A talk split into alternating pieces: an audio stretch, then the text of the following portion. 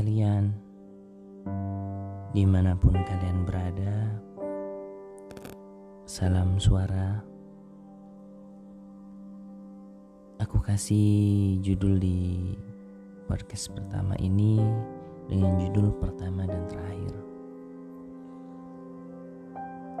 Jujur aku buat judul ini sendiri karena memang ini pertama kalinya aku nge-podcast dan juga ini terakhir kalinya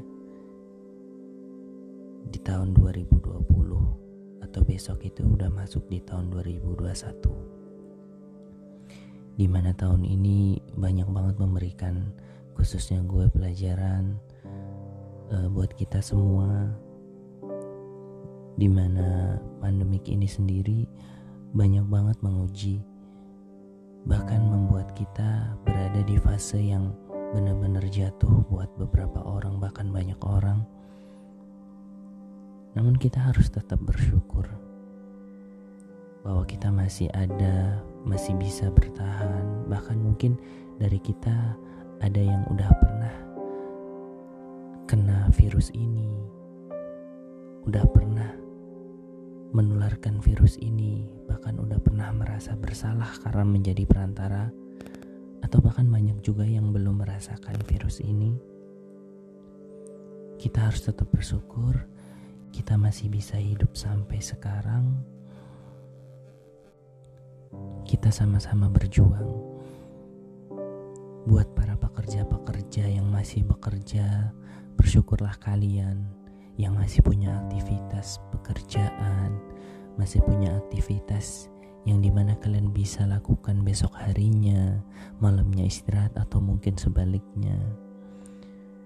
Dan buat yang sudah diberhentikan atau di PHK karena virus ini, ingatlah di luar sana atau di mana pun kalian berada, Tuhan itu gak pernah buta.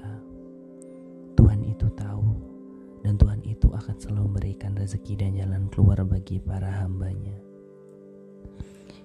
Jadi tetap aja positif, lakukan hal yang terbaik. Buat yang masih meniti karir atau mengawali pekerjaan kalian, tetaplah semangat lakukan yang terbaik. Buat yang masih kuliah yang kemarin kuliahnya offline sekarang online terus tetaplah lakukan yang terbaik.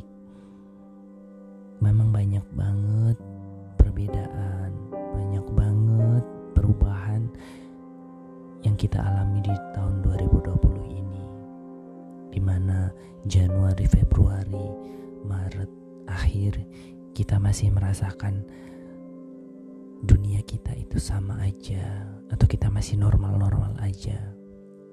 Kemudian di akhir Maret dan April bahkan sampai sekarang dan entah sampai kapan kita akan seperti ini.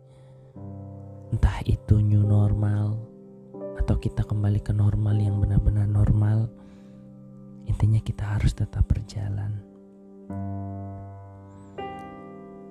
Buat kalian semua yang dirantau dan belum bisa pulang, tetaplah bersyukur, terus jalin silaturahmi dengan media sosial, bisa telepon orang tua kalian, bisa kabarin mereka, karena aku tahu banget rasanya gimana kalian ingin pulang, tapi kalian khawatir apakah kalian nanti akan berdampak baik kepada mereka, karena kalian takut juga kan kalau sekiranya kalian adalah pembawa virus namun tanpa gejala.